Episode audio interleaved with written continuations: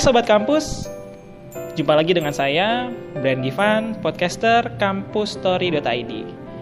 Di tema kali ini kita akan membahas tentang uh, belajar dari rumah. Mahasiswa yang belajar dari rumah saat masa pandemi. Sebenarnya sudah beberapa bulan berlangsung. Nah maka dari itu nih, karena sudah kayaknya udah lama banget ya mereka belajar di rumah, kita mau tanya-tanya langsung sama mahasiswa dari uh, macam-macam kampus nih ya kayak gimana sih rasanya belajar di rumah versi mereka. Sebelumnya kita mau kenalan dulu. Uh, di samping kiri saya ada siapa? Nama saya Zaki dari STEMIK Nusa Mandiri, hmm? uh, prodi Teknik Informatika. Oke, S1, D3? S1. S1, Nusa Mandiri S1 Zaki. Uh, perkenalkan nama saya Salman Afadisi dari UBSI, uh, prodinya akuntansi S1. Nama saya Ida dari UBSI, Prodi Sistem Informasi Akuntansi D3. Nama saya Wanda Inayatulaili dari UBSI, Prodi Sistem Informasi Akuntansi D3. Uh, saya tanya, pasti UBSI sama Nusa Mandiri sudah belajar di rumah? Benar? Iya, sudah. Sudah ya, sudah belajar di rumah. Mulai kapan? Mulai Maret. Mulai Maret berarti pas sama edarannya Pak Nadim ya dari Kementerian. Um, belajar dari rumah versinya kampus UBSI sama versi kampus Nusa Mandiri. Rasanya gimana? Ya awalnya sih menerima, cuma awalnya kayak coba-coba. awalnya kayak menerima gitu kan. Cuma kalau misalkan udah terlalu lama kayak gini ya ada rasa jenuhnya. Berarti jenuh gitu ya. Awalnya menerima, wih lah menerima. Kalau Zak di Nusa Mandiri gimana? Sama sih awalnya kaget ya, Pak. Tiba-tiba biasa kita ke kampus ya kan, ketemu teman, belajar juga lebih semangat karena rame-rame kan cuman karena ya kita mau nggak mau tetap terus belajar akhirnya uh, selama pandemi ini kita kuliah di rumah. Berarti kaget ya? Kaget. awalnya kaget jebret gitu. Wah, langsung nggak dapat uang jajan. Kalau Wanda gimana Wan?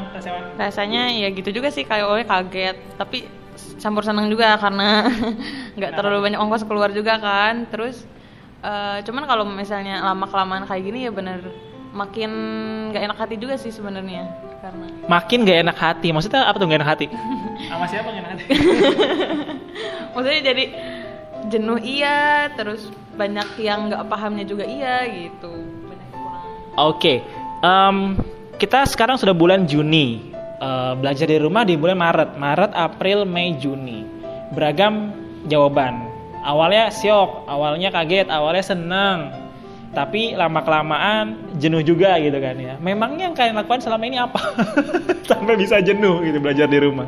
Apa yang dikangenin gitu kalau dibilang jenuh tadi ya? Apa yang dikangenin dari kampus sih? Kalau dari Ida gimana? Kangen ketemu teman-teman. Hmm, kalau kuliah di rumah tuh nggak semangat ya pak? Nggak semangat gimana? Nggak ada gairah buat belajar. Saya curiga nih, kamu di kampus ngapain gitu? nyari siapa gitu loh. Nyari dosennya apa nyari teman sekelasnya gitu kan suka aneh-aneh juga. Man gimana man? Kangen karena kalau kuliah di rumah itu nggak ada penyemangatnya. Karena kalau misalnya ke kampus penyemangat saya ada. Siapa penyemangatnya man? Uh, ada lah pak. Ada ya ternyata mereka nggak suka belajar di rumah karena di rumah nggak ada pacarnya ya kalau di rumah ada pacarnya semangat gitu.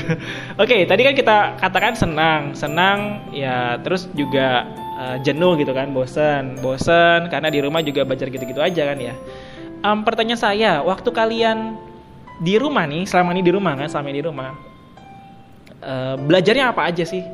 Kan biasanya kan kalau uh, setahu saya saya punya adik masih SMP uh, belajar di rumah yang ngajarin mama mama saya yang ngajarin. Nah, kalian ini yang ngajarin siapa gitu. Yang ngajarin siapa? Belajar di rumah dikasih tugas sih sama sama dosen. Siapa yang ngajarin Zan? nggak ada pak. Mau nanya sama mama juga nggak ngerti. Nanya algoritma gitu ya? iya ya? kan? Mau nanya nggak ngerti. Akhirnya ya coba-coba aja dulu sendiri belajar. Lihat-lihat uh, apa slide yang dikasih sama dosennya. Ya mandiri lebih mandiri aja belajarnya.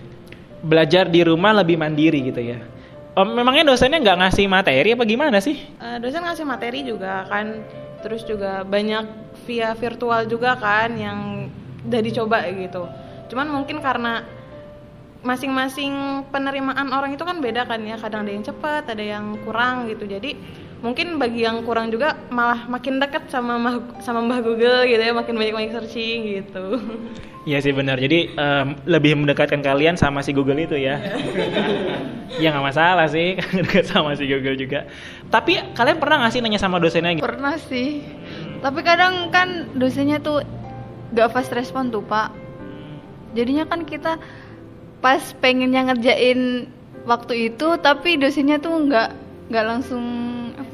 Nggak langsung ngerespon. Jadi nanti nanti jadinya kita tuh kan udah males juga. Tapi memangnya di kampus tersebut mengajarnya seperti apa? Eh, online-nya. Jadi kita buka webnya, kan kita punya webnya kan Pak.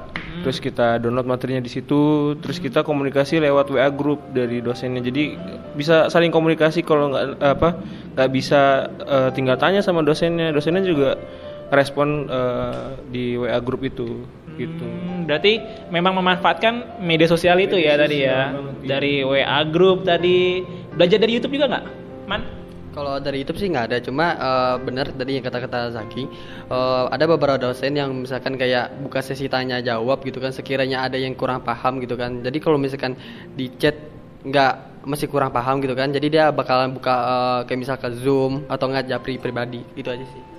Oh, berarti ada juga interaksi dengan menggunakan Zoom gitu ya. Zoom itu kan yang saya tahu seperti kita uh, meeting gitu kan. Maksudnya face to face gitu ya, face to face tapi di uh, laptop gitu. Canggih juga kamu sekalian ya. Positifnya deh buat kalian.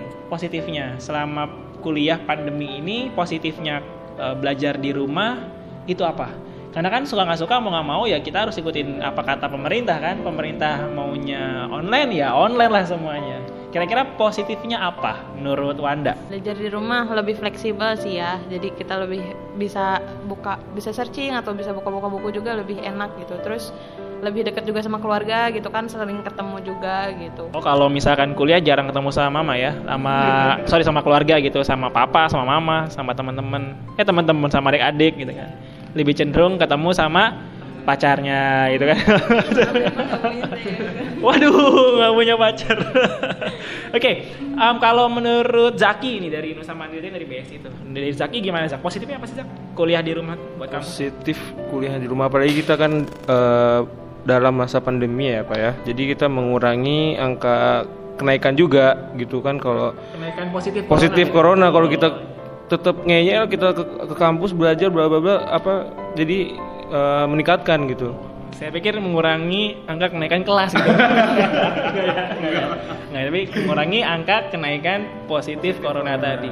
Awalnya seneng, tapi lama-lama kok nyesel juga ya. Itu kira-kira apa sih yang buat kalian resahnya kalian tuh negatifnya apa kalau kuliah eh, online gitu ya? Awalnya saya menerima gitu kan, kayak misalkan ada beberapa contoh satu mata kuliah kan, Eh, saya kira itu bisa bisa paham lah dengan metode pembelajaran kayak jarak jauh gini kan. Cuma lama kelamaan eh, saya mikirnya begini eh, lebih, oh saya lebih butuhnya tatap muka langsung supaya lebih mengerti ketimbang saya harus duduk di depan laptop. Jadi seperti itu. Oh, berarti memang tipenya beda-beda ya. Ada orang yang eh, harus face to face baru dia paham. Ada yang ya udah via Google, eh Google via apa? GWA aja gitu kan. Paham. Ya, hebat juga kalau GWA aja paham ya. Sampai nggak usah kuliah aja gitu kan. Atau melalui video tutorial aja gitu kan ya. Em, mungkin itu salah satu yang menjadi kendala teman-teman semua saat belajar di rumah eh, ke pemahamannya gitu ya, ke pemahamannya. Nah kalau dari Ida sendiri apa negatifnya nih? Kan dari Salman tadi bilangnya enakan face to face gitu ya man ya, enakan face to face. Jadi saya lebih paham, ya, langsung ngobrol ya. Kalau dari Ida gimana? Kan kadang kalau pakai internet tuh kan kadang sinyalnya tuh pak. Hmm. Nah, kalau kan bergantung pada sinyal, jadinya apalagi kalau ujian, Oh, iya. kalau ada muter-muter deg. Iya bener-bener. Kalau misalnya online itu kan butuh sinyal ya. Sinyal, sinyal yang kuat. Wah ini kita bisa sponsor nih. Ayo yang mau masuk sponsor provider, saya sebutin sinyal yang kuat. Harus punya sinyal yang kuat gitu kan ya, sinyal yang kuat. Kalau sinyalnya lemot muter-muter aja dia, akhirnya deg-degan tadi ya. Masuk nggak nih ujian saya nih? Ya, berarti harus punya koneksi yang bagus gitu kan di rumahnya dipersiapkan. Kalau nyeselnya apalagi tadi, Wan? prakteknya sih yang susah Prakteknya, prakteknya Iya. gimana prakteknya maksudnya? ya kalau misalnya kayak kita kayak aku sendiri kan sistem informasi akuntansi kan lebih banyak ke aplikasinya terus kayak programming yang kayak gitunya kan anak iya mah butuh banget gitu kalau misalnya yang buat yang nangkapnya cepat mah enak gitu. Tapi kalau misalnya buat nangkapnya masih harus dikasih beberapa penjelasan itu kan ada susah gitu. Jadi prakteknya itu yang bikin kendalanya. Oh ini kita mewakili orang-orang yang agak kurang cepat ya dalam respon eh, prakteknya. Bukan Wanda kan? Bukan. hanya mewakili. Hanya mewakili, mewakili aspirasi kan teman-teman. Kira-kira nih misalkan eh, pemerintah mengatakan kita terus kuliah online, terus nih kuliah online nih pemerintah ya karena corona kan nggak tahu sampai kapan nih setahun dua tahun kita nggak tahu. Kampus mana pun pasti ngikutin apa kata pemerintah kan gitu bahasanya. Kira-kira teman-teman setuju nggak nih kalau corona eh corona kalau corona dilanjutin serem ya. kalau kuliah kuliah online kayak gini diterusin sampai tahun depan misalkan. Kira-kira setuju nggak? Kalau dari Nusa Mandiri gimana? Ya karena udah dari Kemendikbudnya langsung ya Pak dan kampus juga pasti menerapkan sesuai dengan eh, Kemendikbud mau nggak mau kita harus ikuti. Jadi kita harus ikuti cara belajarnya seperti apa. Kita juga eh, walaupun banyak kendalanya pasti da- apa dari mahasiswa dan dosen pasti kesusahan gitu. Pasti akan lebih susah ya kan.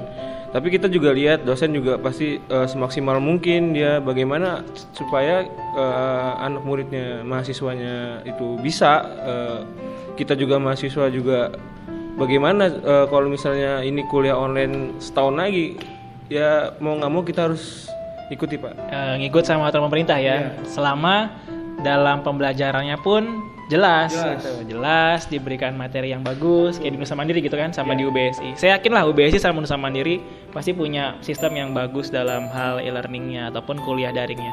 Kalau dari Salman kira-kira gimana? Tahun depan nih 2021 lanjut. gimana man? Kira-kira gimana man? Kalau misalkan saya sih ya benar kata Zaki saya setuju gitu kan. Cuma kalau saya berharapnya semoga ini cepat selesai gitu kan supaya bisa balik lagi seperti awal. Itu aja sih. Tapi paling enak sih emangnya kuliah. Kuliah itu ya ketemu ya langsung gitu ya. Karena pemerintahnya begitu mau gimana lagi. Walaupun dalam hati kita nggak setuju kan. Mau capek ah. Capek. Tapi oke lah. Tapi kita harus bisa eh, mengikuti eh, alurnya. Seperti apa alurnya pemerintah yang mau. Kalau misalnya dari Wanda deh. Wanda. ya mau nggak mau sih ya mau gak- kayak gimana lagi gitu kan mungkin eh, dari kitanya aja ya mulai beradaptasi eh, strategi gimana biar pelajarannya itu masuk gitu walaupun keadaannya masih kayak gini gitu. tapi ya kita berdoa aja semoga cepat selesai Kita berdoa semoga COVID ini cepat selesai, COVID-19 cepat selesai, sehingga teman-teman mahasiswa bisa kuliah lagi kan, lanjut. Em, bisa saya tarik kesimpulan bahwa kuliah online silahkan jalan, asalkan gitu ya, asalkan terpenuhi beberapa hal tadi dari sistemnya kampus tersebut. Yang tadi UBSI sama Nusa Mandiri sudah punya, dari dosennya yang mengajarkan, apakah memberikan materi sudah eh, detail, mampu menerangkan ke personal ke, ke satu-satu mahasiswanya atau hanya jamaah saja? Sehingga mahasiswa bisa mendapatkan eh, materi yang full. Materi yang full materi yang berkualitas dan ngerti semuanya. Kan inti dari pembelajaran kan mahasiswa paham gitu ya mahasiswa paham. Jika sam- jika hal itu terjadi ya mau kuliah daring mau kuliah offline tetap pinter mahasiswanya. Celakalah apabila kuliah daring online cuma tidak ada hal-hal yang mendukung hal tersebut. Entah dosen yang nggak ngajar ya moga-mogaan nggak ada di kampus kalian nih di UBI sama Nusa Mandiri. Entah sistemnya yang jelek atau segala macamnya. Tapi yang pasti teman-teman harapannya sih bisa mendukung segala hal yang dilakukan oleh eh, pemerintah selama positif ya dan tetap menerapkan protokol kesehatan. Terima kasih untuk sobat kampus yang sudah mendengarkan podcast kita pada hari ini. Ambil positifnya aja, buang negatifnya. Semua orang berhak berpendapat, semua orang berhak berbicara.